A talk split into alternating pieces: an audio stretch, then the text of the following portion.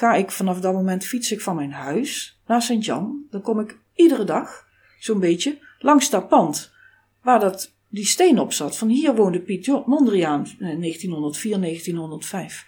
En iedere keer dacht ik bij mezelf, die geschiedenis klopt hier niet. Dit klopt hier niet. Dit klopt hier niet. Het voelde bij mij gewoon niet goed. Ik vond dat heel vervelend. Ik dacht, waarom hangt er wel die steen tegen het huis aan? En waarom staat er dan niet vermeld wat er met die mensen gebeurd is in de Tweede Wereldoorlog?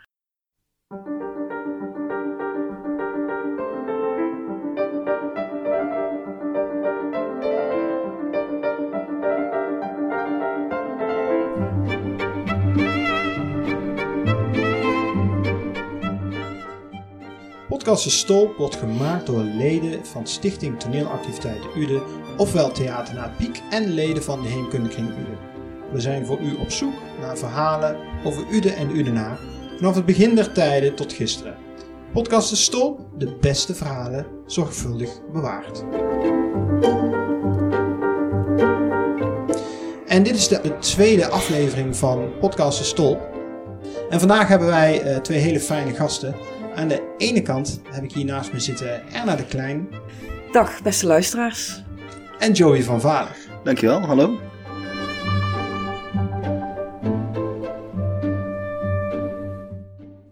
Joey, jij bent van uh, Theater naar Piek. Uh, kun jij een beetje vertellen over wat je daar allemaal doet? Ja, ik ben uh, daar speler en ik speel voornamelijk in het, in het buitenstuk in de zomer.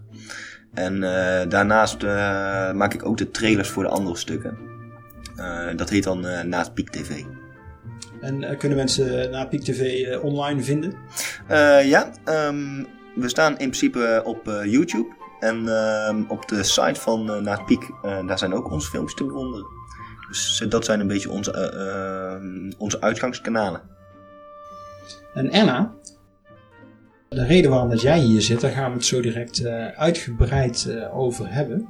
Eh, maar je hebt wel een hele bijzondere maand achter de rug. Dat klopt. Uh, kun je heel kort een highlight noemen van jouw afgelopen maand? Nou, de highlight was uh, de legging van de struikelstenen in Uden. Precies, en hoe we daar, wat daar, wat daar allemaal nog meer over gezegd moet worden, dat horen we zo. Wij gaan snel door naar ons hoofdonderwerp. Het heeft natuurlijk hiermee te maken. Eh, maar in dit geval wil ik eigenlijk eh, heel veel jaren terug erna. Ik durf niet te zeggen hoeveel jaren wij terug moeten naar het moment voordat jij überhaupt wist over het bestaan van al deze bijzondere mensen. Hoe zag jouw leven eruit voordat jij in aanraking bent gekomen met deze hele geschiedenis? Nou, ik denk net als ieder andere kind wat in Uden woont. Ik zat op school. Op een gegeven moment ben je klaar met leren en ga je een baan zoeken. En dat uh, ben ik gaan doen. En ik uh, kwam te werken bij Sint-Jan, het bejaardenhuis in de Kerkstraat. En daar werkte ik uh, op het kantoor, zoals dat toen nog tijd heette, dus de administratie. Na een paar weken heb ik toen de vraag gesteld: zitten hier nou eigenlijk alleen maar katholieken in Sint-Jan? En toen kreeg ik als antwoord: nee, er zijn ook een paar protestanten en er is één Jodin toen dacht ik, hé, was dit hier een Jodin? Ik heb toch op school geleerd dat de Joden die woonden in de grote steden, niet in de dorpen. Komt ze dan uit Amsterdam? Wat doet hij hier alleen? Nee, die komt gewoon uit Ude. Echt, Ude? Nou, dat klopte bij mij niet. Dus ik ben verder gaan vragen van, oké, als ze dan in Ude geboren is, ja, dan kon ik inderdaad in de gegevens zien dat dat zo waar was dan uh, had ik op school geleerd dat in de oorlog die Joden die hadden in kampen gezeten. Dan had ze een tatoeage op de arm. Dus ik vroeg, heeft zij dan een tatoeage op de arm? Nee, dat had ze niet. Maar toen dacht ik, dan snap ik het weer niet. Ik denk, nou, volgende vraag. Dan heeft ze natuurlijk in een kamp gezeten, want daar had ik op school geleerd. Nee, daar had ze ook niet in gezeten. Dan ondergedoken geweest? Nee, ook niet. En toen ben ik gestopt met vragen stellen. Ik dacht, ik weet niet wat ik op school heb geleerd, maar laat maar, ik heb er niks van begrepen. Dat was mijn eerste aanraking. En dan gebeurt er een aantal jaren niks. En dan ga ik trouwen en wij kopen een huis op de Vorstenburg. Dan komt er een bewoonster van Sint-Jan naar mij toe en die zegt: Goh, wat leuk, ik heb je een huis gekocht op de Vorstenburg, daar heb ik vroeger ook gewoond. Nou, ik raak in gesprek met haar en ik vraag aan haar: In welk huis hebt u dan gewoond? En toen zei zij tegen mij: Wij woonden vroeger naast de synagoge. En toen dacht ik bij mezelf: Synagoge in, in Uden? Is dit nou weer? Ja, we hadden ook zo'n Jodin. Maar die was inmiddels al lang overleden. Maar voor één Jodin heb je geen synagoge. Heel bijzonder. Ja, het zal wel. Oké, dan gaat er weer een paar jaar overheen. Loop ik bij ons door de straat. Ik kom een buurman tegen en die zegt tegen mij: Kijk nou eens wat ik heb. Een foto van de synagoge. Maar hij dacht dat ik niet wist van die synagoge, maar dat wist ik wel. Dus ik zei: Oh, leuk, laat eens kijken. Een prachtige foto. Hoe kom je eraan? Ja, zegt hij. Adriaan Sanders heeft er een boekje over geschreven. Over de Udische Joden. Oh, interessant. En waar haal ik dan zo'n boekje? Ja, dat wist hij ook niet. Ja, ik ook niet. denk, maar daar kom ik wel achter. Want ik zit bij Sint-Jan, bij de receptie voor, en ik zie af en toe Adriaan Sanders voorbij lopen. Dan trek ik hem een keer aan een jasje. En ja hoor, zo komt hij op een dag binnengelopen. En ik zei, Adriaan, luister eens, ik heb gehoord dat je een boekje, boekje hebt geschreven over de Judische Joden. En ik zou dat graag willen lezen, alleen waar haal ik het? En toen zei hij, ja, dat is niemand te koop. Ah, was een beetje een teleurstelling. Toen zei hij, maar ik denk dat ik er nog wel eentje voor je heb liggen. En die stop ik wel bij jou in de brievenbus. En dat heeft hij gedaan. Dus ik ben daar meteen gaan lezen. En daarin lees ik dat die Jodin die ik tegenkwam in 1985 in Sint-Jan, dat die recht tegenover mijn huis woonde aan de Vechelse dijk. En dat er nog een gezin was en die woonde in de Sint-Janstraat. En ik wist eigenlijk ook vrij snel waar, want Piet Mondriaan had bij die mensen in huis gewoond. Er hing op dat pand een steen. Hier woonde Piet Mondriaan 1904, 1905. Ja, dat was. De, de, op dat moment zat daar. Uh, welke winkel? Van Goor, tapijtcentrum. Tapijtcentrum. Ja, ja, dan ben ik ongeveer in de jaren 90 bezig. En dat, dat pand is eind jaren 90 afgebroken. En in het boekje lees ik ook dat de uh, koeien, het vee van die van Zwanenberg, dat die langsbij bij de nonnen in een weiland liepen. Dus het was wel heel bijzonder om dat te ervaren, dat je midden in een gebied woont in Uden, waar dus een hele Joodse geschiedenis was geweest, terwijl er niks meer van was te zien. Um, nou ja, goed, dan weet ik dat en dan ga ik vanaf dat moment fiets ik van mijn huis naar Sint-Jan. Dan kom ik iedere dag, zo'n beetje, langs dat pand waar dat, die steen op zat. Van hier woonde Piet Mondriaan, 1904, eh, 1905. En iedere keer dacht ik bij mezelf, die geschiedenis klopt hier niet. Dit klopt hier niet. Dit klopt hier niet. Het voelde bij mij gewoon niet goed. Ik vond dat heel vervelend. Ik dacht, waarom hangt er wel die steen tegen het huis aan? En waarom staat er dan niet vermeld wat er met die mensen gebeurd is in de Tweede Wereldoorlog? Nou ja, goed. Uh, dan gaat er weer een tijdje overheen. En dan gaat uh, mijn, uh, een van mijn kinderen met de rode school op uitwisseling naar Budapest. En die gaan een project doen. En dan zegt ze tegen mij: daar ga je me niks over vragen, want ik ga er niks over vertellen. Die uh, leerlingen uit Budapest komen naar deze kant. Dan gaan we hier verder met het project. En jij hebt het geluk dat we s'avonds een keer een presentatie geven. Dan kom je maar, dan kun je er alles over horen. Hoef ik niks te vertellen. Nou, die avond die kwam en ik zat daar. Was voorbij. Op, school, hier op, de, op de rode school, ja. En ik zat een beetje onderuit gezakt. Tot ik hoorde over waar het over ging. Toen ging ik meteen recht overeind zitten. Het ging over de overeenkomsten en de verschillen tijdens de Tweede Wereldoorlog tussen de Joden in Budapest en hier. En daar hadden ze twintig koppeltjes en die moesten daar dan een presentatie over geven. En hier, met hier, zijn ze naar Amsterdam geweest. En dan snap ik best wel dat jij naar het Anne Frankhuis gaat, het achterhuis. En dat je daar naar de Portugese synagoge gaat en dat je naar de Joodse wijk gaat. Daar hoorde ik trouwens voor de eerste keer over struikelstenen. En toen waren die twintig koppeltjes, die waren klaar met een presentatie geven in het Engels. En ik was kwaad. Kwaad. Ik dacht, wel, verdorie, waarom wordt hier niks verteld over de Joodse geschiedenis van Uden? En dat is voor mij het punt geweest waarop ik dacht toen ik thuis kwam. Hoe zien die mensen eruit?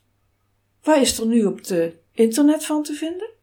En toen ben ik dus gaan zoeken.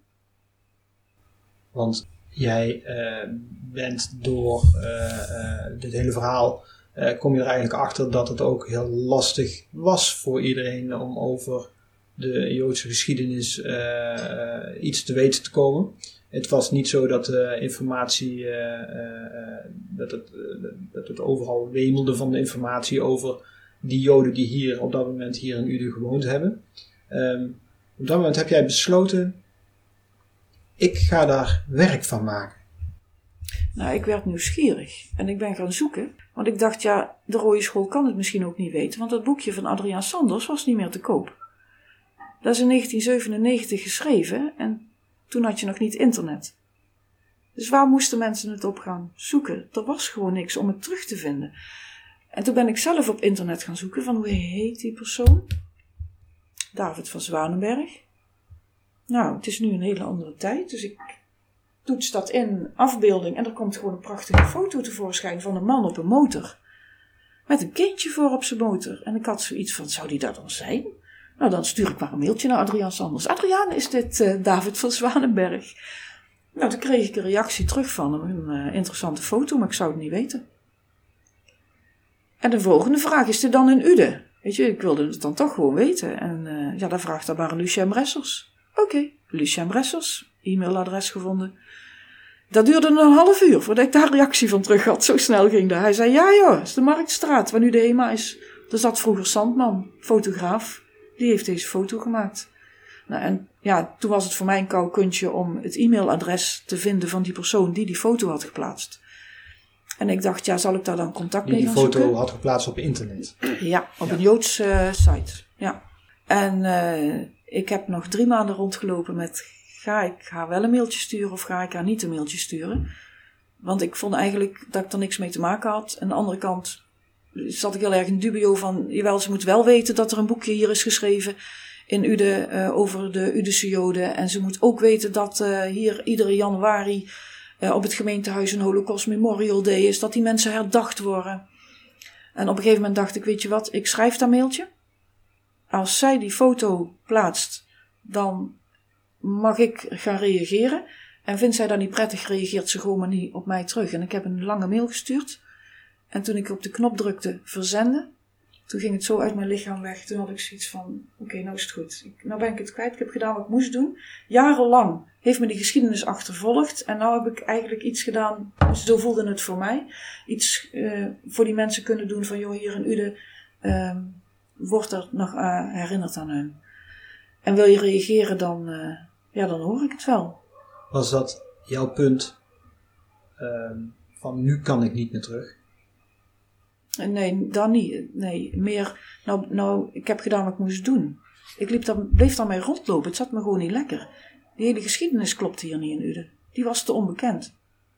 En ik had zoiets van, nou, dan ga ik nu eh, aan de bel trekken en misschien komt er een reactie terug. Dan kunnen we die mensen misschien hier naar de Holocaust Memorial Day halen. Wat is die Holocaust Memorial Day? Nou, dit is een herdenking eh, in 27 eh, januari. Dat is de dag waarop eh, Auschwitz bevrijd is. En dan wordt er wereldwijd een, eh, eh, ja, die, die dag daaraan teruggedacht. En dan is er een landelijke eh, herdenking. Eh, er is ook eh, in alle andere werelddelen zijn er herdenkingen. En in Uden is ook een, eh, een plaatselijke herdenking hier in het gemeentehuis. En die, die werden al ge- georganiseerd voordat deze ehm, geschiedenis, voordat jij je speurwerk had gedaan. Ja, ja, ja. Dat was voor mij ook weer een trigger van, oh ja, inderdaad, hè, er, er was hier iets. Maar er werd eigenlijk nauwelijks, ehm, er was nog heel veel onbekend op Ja. dat moment. Ja, ik was er zelfs nog nooit geweest. En, en, en de werkgroep van die eh, Memorial Day. eh, eh, hoeveel wisten zij eigenlijk van de Udese Joden? Nou, je kunt op internet via het Joods Monument, dan kun je precies zien wie het allemaal betreft. Dus daar waren die mensen afgehaald en die werden voorgelezen, maar hun hadden daar geen beelden bij. Gewoon niks. Er waren ook geen nazaten op de Memorial Day zelf. En door eh, te reageren op die eh, foto kreeg ik dus contact. Ja, want jij hebt dat mailtje gestuurd. En Ja. toen? Ja, na een paar dagen of- kreeg ik inderdaad een reactie terug, een hele leuke reactie. En hoe voelde zelfs. dat voor jou? eh? Ja, fijn. Ja, heel fijn. Ja. Ja. Ja. En, wat, en, wat, en wat, wat stond er in het mailtje? Nou, zij wilde heel graag ook dat boekje lezen. Ze wist wel dat het, dat het er was, maar ze had het niet. En ze zou graag een keer naar Uden willen komen om eh, te kijken waar eh, de synagoge had gestaan, waar haar familie had gewoond. En eh, toen heb ik haar uitgenodigd van kom maar een keer langs. Het is Oké, voor mij dus geweest. de, de persoon die die foto had geplaatst op internet, bleek uiteindelijk familie te zijn Ver van... weg, ja. ja. Ja, van de familie van Zwanenberg, maar dan van de vrouw van David van Zwanenberg, van de familie van Leeuwen. David was getrouwd met Judith van Leeuwen. Ja. En Judith had een broer die eh, gemengd gehuwd was. Die heeft dus de oorlog overleefd en daar was de kleindochter van. Ja. En zij heeft ons dus uiteindelijk weer in contact gebracht met de zonen van Betty. En Betty is dus dat meisje op die motor, op die foto in de Marktstraat. En Betty heeft het overleefd. Ja. En sindsdien eh, zijn er heel veel foto's vrijgekomen. Want achter in de Sint-Janstraat hebben David en Judith voordat ze eh, gingen onderduiken een kistje met foto's begraven. En dat kistje was dus nog in het bezit van die zonen. En eh, samen met die foto's en die foto's uit die drie albums zijn wij gaan puzzelen. En zijn we een heel eind gekomen. Je, je hebt eh, een mailtje gekregen, je hebt gezegd, kom, kom alsjeblieft naar Uden. En dat, dat heeft zij gedaan. Ja, zij is naar, naar Uden gekomen en we hebben hier door Uden heen gelopen. En nou ja, goed, zij heeft. Ik heb voor haar zo'n boekje geregeld. Dus op dat moment had zij dus ook het boekje van Adriaan Sanders. En eh, ja, zij heeft eigenlijk, zeg maar, eh, mij in contact gebracht met die zonen. Zij is daar een mooie sleutel in geweest. Ja. En zij zijn ook naar Uden gekomen. Ja, ja. Zij zijn ook naar Uden gekomen. Zij zijn eh, naar de Holocaust Memorial Day eh, gegaan. En sindsdien zie je ook dat het steeds meer leeft. Is gewoon ook heel belangrijk geworden, ook voor hun, maar ook voor Uden zelf. Was dat, was dat niet een vreselijk spannende dag voor jou? Ja, best wel. Het was heel bijzonder om ze, om ze te leren kennen. En het is be- best wel spannend. We hadden natuurlijk al verschillende keren mailcontact. Dus het was niet eh, op de Holocaust Memorial Day, eh, waren ze niet meer vreemd voor mij, zeg maar. Nee, nee, maar de allereerste keer eh, dat je ze eh, echt live ging ontmoeten, hè, buiten mail om, ehm, eh, was je niet bang van, goh, je zit in onze geschiedenis te rommelen? Nee, nee want de kleindochter, dus een kind van een van de zonen, die had op een website over ketting van verhalen over de Tweede Wereldoorlog. Dan mocht iedereen zijn verhaal op plaatsen. En daar had zij het verhaal van haar oma Betty opgezet. En dus ik wist al dat er wel aandacht was van hun kant. En dan gaven ze eigenlijk ook al heel snel aan van, we willen heel graag een keer naar Uden komen. Gewoon eens kijken, waar woonde de familie en wa- wat is er over onze familie eigenlijk nog daar bekend? En wij hebben die foto's, we weten eigenlijk helemaal niet wie erop stond. Dus het heeft eh, oma en moeder eigenlijk nooit over gesproken. Daar kon ze niet, dat was te pijnlijk voor haar. En op dat moment was jij nog alleen, samen met Adriaan. Hoe, hoe is dat toen verder gegaan? Ja, dat is eigenlijk wel een heel apart verhaal. We hebben hier in U de, de Uïse quiz. En eh, wij deden met de Zeester mee, daar hoor ik bij, het team Zeester. En in ons team hebben wij een journaliste, Aida Jaber. En ehm, op het moment dat ik dus contact heb met hun, moeten wij die Udische quiz gaan maken. Ik zeg tegen Aida, ik heb eigenlijk iets wat misschien wel in de krant mag. Of misschien wel moet, maar ik weet eigenlijk ook niet hoe dat werkt. Daar ben ik eigenlijk allemaal niet zo van. En eh, ehm, ja, ja, zei ze dan, eh, ja, dan moet je er toch maar eens wat meer over vertellen. En op dat moment komen ze met het quizboek binnen. Dus niks vertellen, quizzen. We moesten opdrachten maken. Nou, dan ben je de hele avond druk bezig, dus er werd gewoon niet meer over gesproken. En eh, op het moment dat wij eh, de quiz, de uitslagavond hebben, komt Aida weer naar mij en zegt ze, jij had iets, weet je nog? Je wilde iets. Ik zeg, ja, dit en dat. En die mensen komen naar Uden en, oh, maar dat is hartstikke interessant en wel leuk. Daar gaan we een eh, artikel over schrijven. We hebben een leuke avond en eh, wij wilden graag eh, best wel hoog eindigen. Dat wil zeggen, het eerste jaar waren we dertiende geworden bij de Udische quiz en wij wilden onze, onze resultaat verbeteren. Maar we werden geen dertiende, dat vonden we al heel fijn. Ook geen twaalfde en elfde. En toen begonnen we hem toch wel te nijpen. Ahem. We werden ook geen derde en ook geen tweede. En toen hebben we afscheid genomen. Nou ja, oké, onze nederlaag. Ehm, volgend jaar weer, volgend jaar weer. Was veel te leuk. En de winnaar is... Zeester. Nou, we hebben een knotsgekke avond gehad. En we hadden de wijnlijn gewonnen. En daar ging het om, die wijnlijn. daar hebben we afgesproken dat we die zouden gaan doen. De avond daarvoor ben ik toevallig bij uh, Annelies Burgerhof. De, zij is een telg van de familie Hoefs, die altijd langs de familie van Zwanenberg hebben gewoond. En van hun familie kwamen veel foto's op uh, Facebook, waardoor ik Betty herkende. Zo was het contact ontstaan. En toen gaf Annelies aan, ik zei ik wil, zou zo graag uh, herkenning willen in Uden. Dus iets bij dat huis van Piet Mondriaan.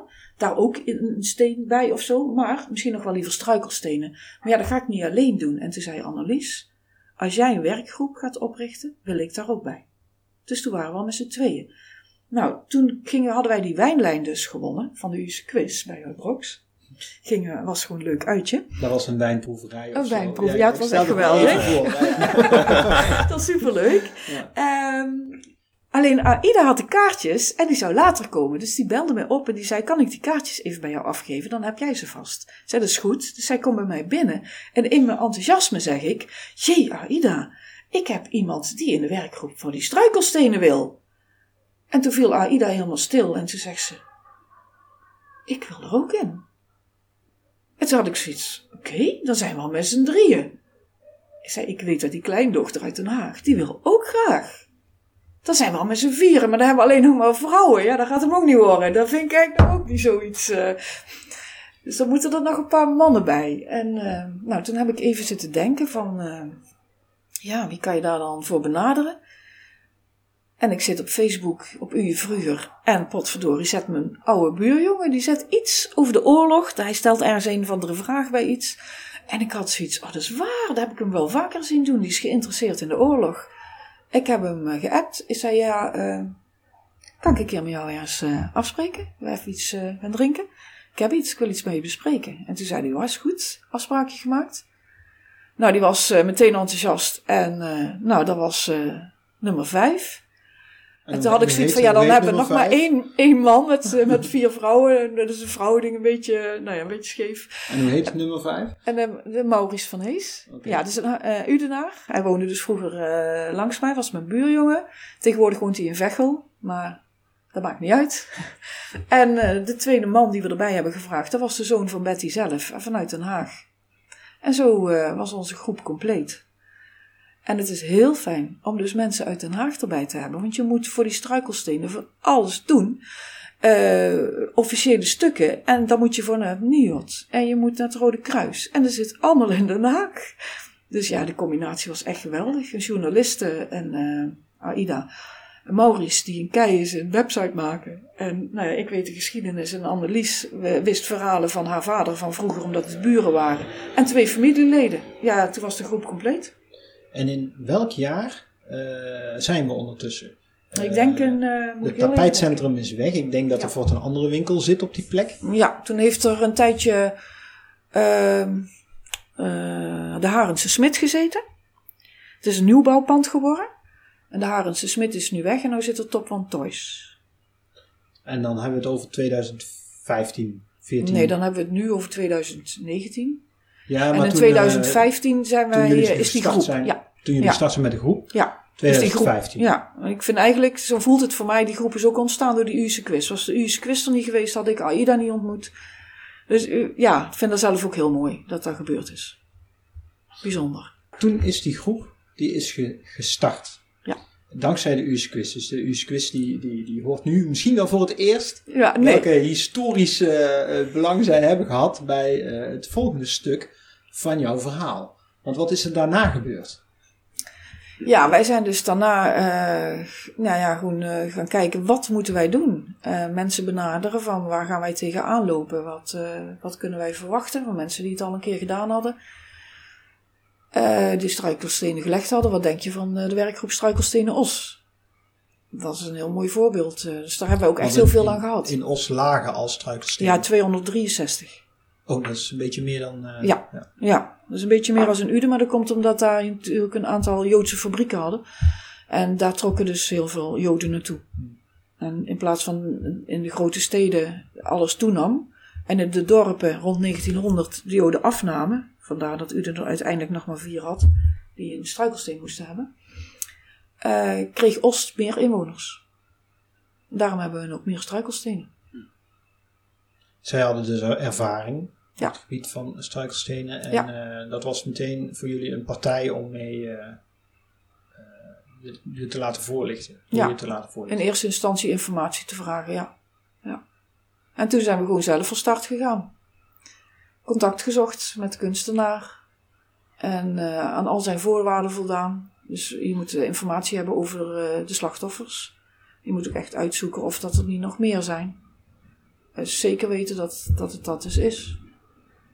En dan moet je toestemming hebben van de gemeente. Want ze komen op gemeentegrond in de stoep te liggen, trottoir. Dat vond ik zelf ook wel een hele mooie. Dus we hebben eerst de huiseigenaar ingelicht en het pand, de Top van Toys. Allemaal enthousiaste reacties gehad. Eh, Dat is wel heel fijn. Ehm, nou, toen contact gezocht met het gemeentehuis. Van ja, wat gaan we nu doen? Want dat wisten we niet. Maar dat wisten ze bij de gemeente eigenlijk zelf ook niet. En de volgende dag kregen we al een telefoontje van... eh, het is geregeld.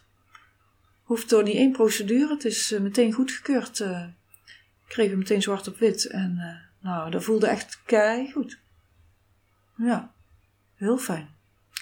En toen eh, hebben we heel lang gewacht, echt heel lang gewacht. En in die tussentijd zijn wij alleen maar eens, ah, ja, aan het zoeken gegaan over eh, ja, naar die mensen. We waren met die fotoboeken natuurlijk bezig. En je, komt, eh, je herkent steeds meer gezichten. Je komt bij andere werkgroepen die contacten hebben, die informatie hebben. En zo ontstaat er op een gegeven moment een comple compleet plaatje. Zoals het eh, eigenlijk nu is.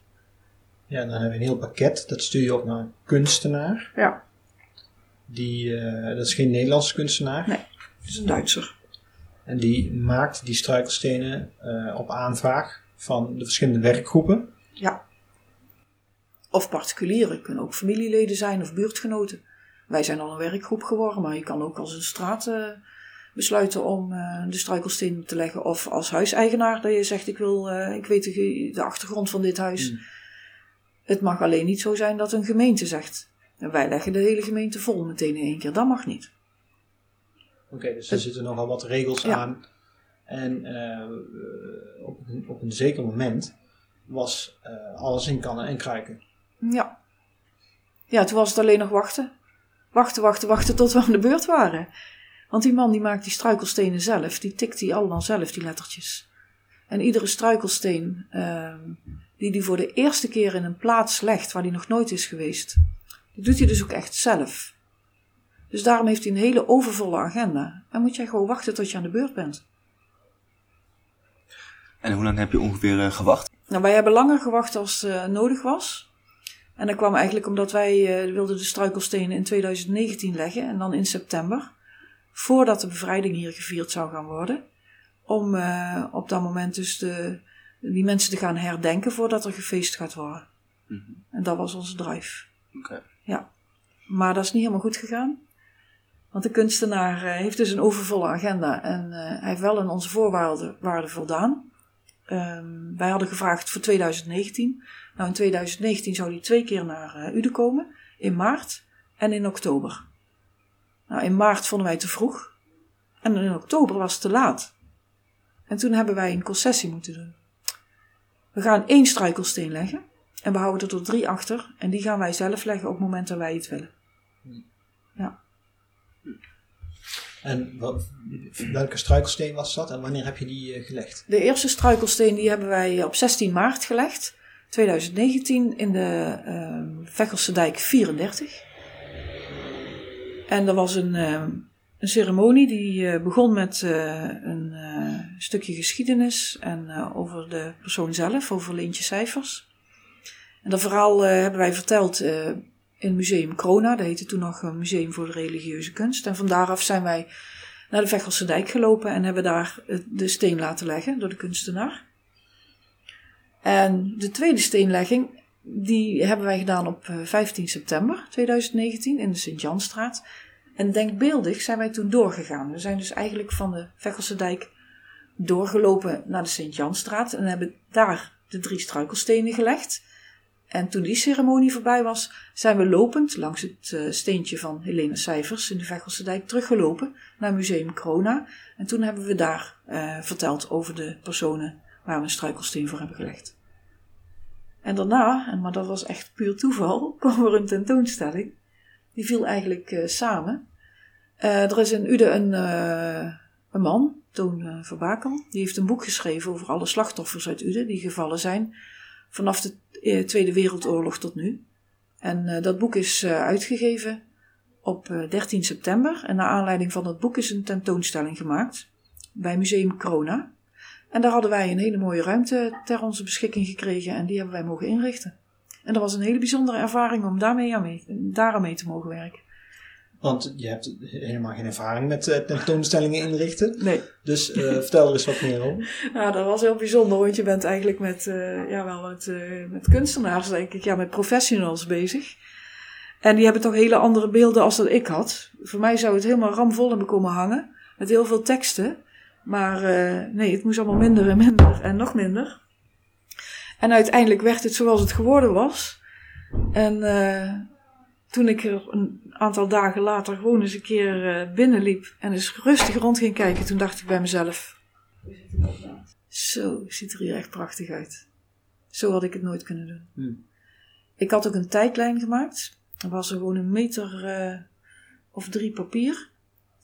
En daar ben ik mee naar hun gegaan. Ik zeg, ik heb een tijdlijn gemaakt. Dit is de hele geschiedenis eh, van de Joden hier in Uden.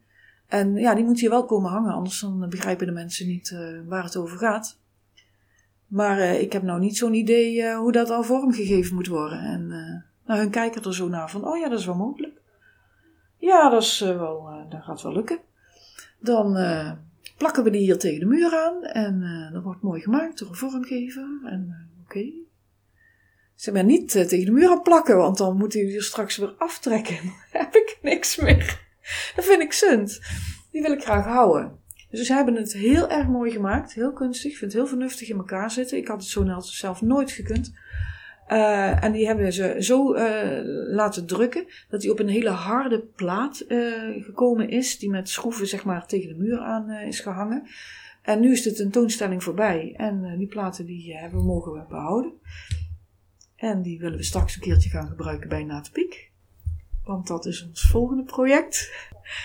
Eh, naast die tentoonstelling eh, heb ik nog iets leuks meegemaakt. Op het moment eh, dat we met de Joodse geschiedenis beginnen van Uden, heb ik een aantal gesprekken met Adriaan Sanders gehad. En daarin, al brainstormende, kwamen wij van, ja, het zou toch wel mooi zijn als ze misschien bij Naat Piek het Joodse verhaal van Uden zouden kunnen naspelen. En toen heeft Adriaan een, een mail gestuurd naar, naar jou, Gert-Jan. Ja, dat klopt, ja. 2015. Ja, en toen kwam er een hele lange mail terug. eh, en eh, nou ja, goed, toen is er een eh, gesprek plaatsgevonden. En van het een kwam het ander. En dat vind ik zelf ook heel erg bijzonder. Om ook dit stukje waar ik totaal geen kaas van heb gegeten. Om daar van het begin af aan mee te mogen maken en te zien groeien. Want op dit moment is het toneelstuk geschreven. En zijn ze bijna het piek. de toneelspelers zijn aan het oefenen. En ik ga regelmatig even kijken. En ik vind het heel mooi. Het is heel bijzonder om dit zo te zien groeien. Het is iets wat ik dus gewoon mijn hele leven nog nooit had gezien. Hoe dit ontstond. Het is echt mooi. Vind ik echt leuk. Ja, en dat gewoon nu, op dit moment. En eh, in Theater na Piek is, eh, zijn de repetities eh, van het stuk gaande. En het is echt heel, heel bijzonder om personages waar je al zoveel over gelezen hebt, om die langzaam door deze spelers tot leven eh, gewekt te zien worden. Dat is echt bizar. Dat is echt bizar. En, eh, de- en ik vind het ook leuk dat, dat het voor jou eh, ook zo bijzonder is. Eh, want het, eh, het blijft gewoon een heel eh, bijzonder iets om, eh, om eh, eh, geschiedenis tot leven te zien komen. Dat eh, kan ik bevestigen. En dan vooral je plaatselijke geschiedenis. Ja, precies. Ja. Dus eh, wat zijn er sinds eh, eh, die, die grote verandering in je leven, wat kunnen wij daarvan nu in Ude zien? Nou, best wel een aantal dingen. Je hebt natuurlijk onze website. Die is te bezoeken. Die is te vinden. Het allerbelangrijkste vind ik de struikelstenen. Daar zijn ook informatiefoldertjes voor. Die vind je bij het VVV. En wat ik zelf ook nog wel heel erg mooi vind, er zijn in Uden ook attentietegels gekomen. En als ik dat hoor, vraag ik aan Adriaan, ehm, Krijgt de synagoge er dan ook een? Oh ja, natuurlijk. Ik zeg, maar krijgt hij er dan bij de eerste tien een? Ja, zeker weten. En hij ligt er. En waar kunnen mensen die, die tegel vinden? Ja, die tegel van de synagoge, die attentietegel, die ligt uh, bij mij in de straat dus, uh, op de Vorstenburg. Ter hoogte van huisnummers uh, 19 en 21. En als jullie die steen bekijken, dan zie je daar, want er staat een foto op, dat er tralies voor de ramen van de synagoge zitten. En dat is niet omdat de Udenaren modder gooiden naar de Joden, maar dat komt eigenlijk omdat die synagoge, die stond 10 meter van de straat af. En tussen de straat en de synagoge was een zandvlakte. En daar speelde de Udische jeugd uh, voetbal op. Ze gebruikten het als trapveldje. En dan gebeurt er nou al eens ooit iets met een ruit en een bal. Dat is de reden waarom die tralies ervoor zitten. Ja, dus we hoeven geen uh, spannende verhalen in ons hoofd. Nee, uh, het helemaal was gewoon niet. Nee. voetballende jeugd. Ja, voetballende Udische jeugd. Ja hoor. Goed. Anna, heel erg uh, bedankt voor dit prachtige verhaal. Nou, graag gedaan.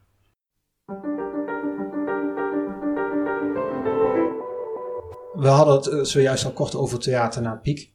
Um, um, maar er is nog veel meer bij Theater na Piek te doen. En uh, Joey, jij bent uh, van Theater na Piek. Je hebt natuurlijk al verteld wat je daar doet. Um, kun jij iets vertellen wat er de afgelopen tijd is geweest en wat er binnenkort gaat komen? Zeker. Wij, wij hebben afgelopen maand, was in september, hebben wij de inschrijfavond gehad.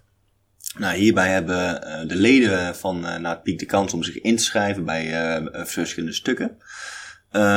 Niet alleen voor de stukken, maar ook voor een PR-groep inschrijven of, of, of een griemgroep of voor de techniek.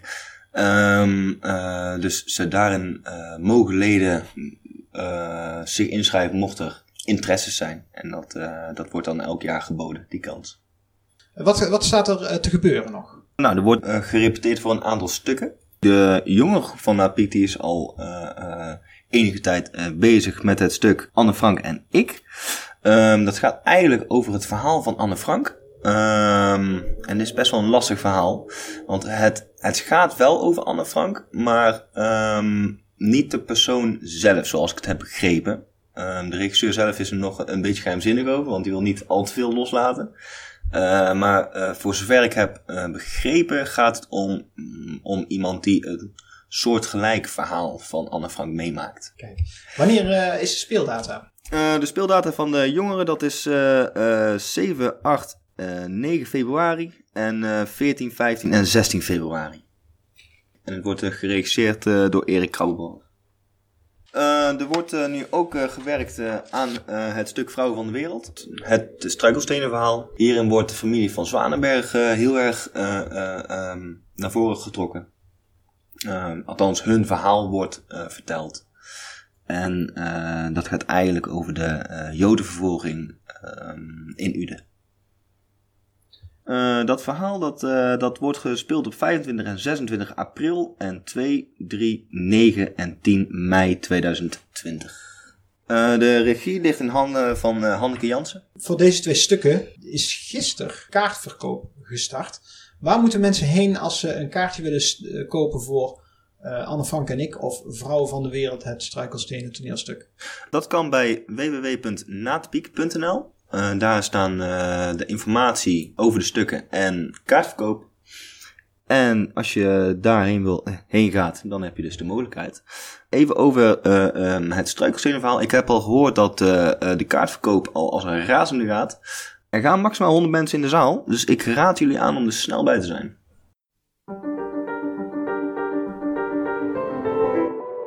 In de jaren 70, 80 en begin jaren 90 was het bakkie in elke auto te vinden. Als tijdverdrijf ontstond het vossen. Iemand met een bakkie verstopte zich in of rondom Ude en omschreef in vijf hints waar hij of zij zich bevond. De anderen reden rond en probeerden aan de hand van de aanwijzingen de vos te vinden. Bij podcast De Stolp hebben we ook de 27 MC radio uit het stof gehaald en nu heeft niemand minder dan na Piek zich verstopt. Maar Joey en Erna hebben samen vijf hints om hem te vinden. De locatie is een lange straat met aan weerszijden grote, hoge bomen. Dankzij deze grote hoge bomen konden tijdens de oorlog de geallieerden zien waar ze hun bommen moesten gooien. Daarmee werden de huizen gespaard, maar werd de nabijgelegen landingsbaan wel geraakt. De naam van de straat is vernoemd naar de vrucht van deze boom. De vrucht is zeer geliefd bij een zekere vos die in het praathuis van de Fabeltjeskrant stevast een portie van deze vrucht bestelde, samen met een glaasje grenadine. Rij je vanuit Uden naar het oosten, dan is het na de buurman de eerste straat links. Naad Piek staat altijd op dezelfde plek in Uden. Om vanuit zijn plekje naar deze verstopplek te komen, is het 7 kilometer lopen. Als u weet waarna Piek zich heeft verstopt, zeg het tegen niemand. Maar wat we wel erg leuk vinden als u via Twitter of Facebook nog meer hints geeft over deze verstopplek. Hints waar wij niet op gekomen zijn. Als je naar aanleiding van deze aflevering of een vorige aflevering of gewoon in het algemeen een vraag hebt aan onze geschiedkundigen van Ude, stuur dan een mail naar onze podcast en wij proberen het voor je uit te zoeken. Het mailadres is destolp.naatpiek.nl D-E-S-T-O-L-P apenstaartje N-A-A-T-P-I-E-K.nl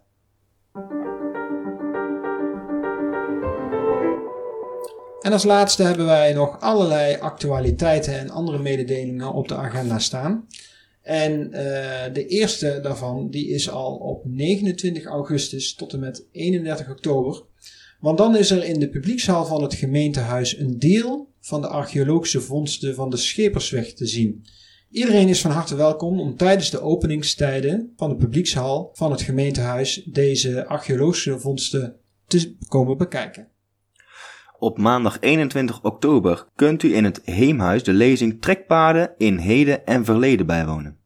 Van Langveld ondersteunt de geheel vernieuwde lezing met foto- en filmbeelden die hij heeft samengesteld in samenwerking met de bekende filmmaker Leo van Weerdonk uit Schijndel. Op maandag 18 november geeft Frans Govers in het Heemhuis een lezing getiteld Pater Theo Verhoeven, een verzetsman in hart en nieren. De locatie en tijden van deze bovengenoemde drie uh, zaken uh, die zijn te vinden op de geheel vernieuwde website van de Heemkundekring Uden. Naast deze informatie vindt u tal van andere informatie over Uden en zijn rijke verleden. Surf naar hkku.nl of heemkundekringude.nl.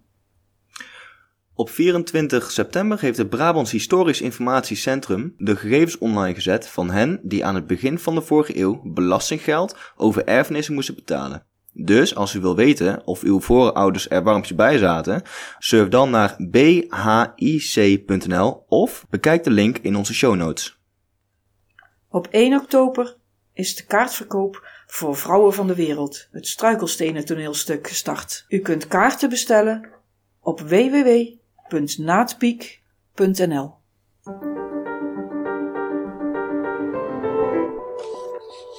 We willen de volgende mensen bedanken voor het meewerken aan deze tweede aflevering van Podcast De Stop.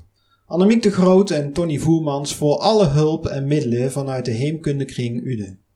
Toneelgroep Sinterklaas van Theater Naad Piek voor het lenen van de techniek.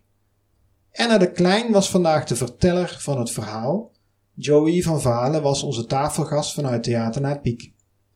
De muziek onder onze intro is gecomponeerd door Maurizio Malagnini en een link naar zijn muziek staat op onze website.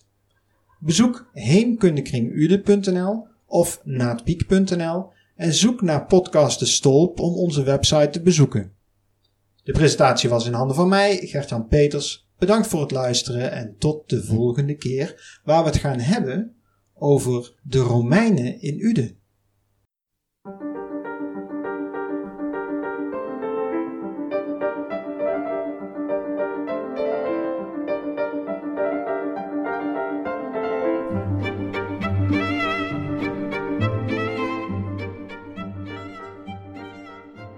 Podcast De Stolp wordt gemaakt door leden van Stichting Toneelactiviteiten Ude, ofwel Theater La Piek, en leden van de Heemkundekring Ude. We zijn voor u op zoek naar verhalen over Ude en de Udenaar vanaf het begin der tijden tot gisteren. Podcast De Stolp, de beste verhalen zorgvuldig bewaard. Podcast De Stolp kunt u vinden op de website van Theater Piek en op de website van de Heemkundekring Ude.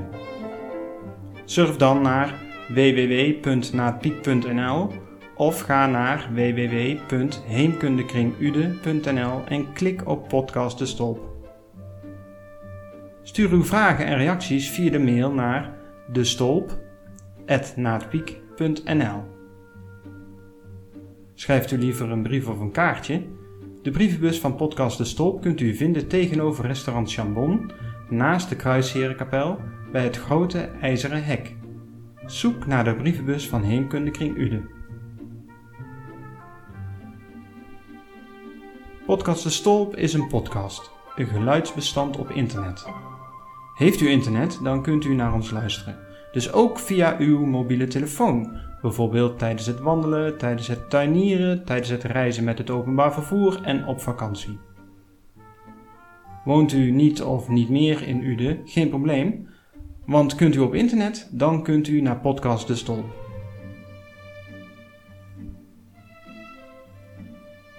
Als u dit hoort, bent u, van uw familie en vriendenkring, een van de eerste die luistert naar Podcast De Stolp. Er is vast iemand die u kent die ook geïnteresseerd is in de verhalen van onze podcast. Laat ze meegenieten en stuur ze een mailtje of een appje en vertel ze over ons. Podcast De Stolp. Vanaf september 2019 elke maand een nieuwe aflevering.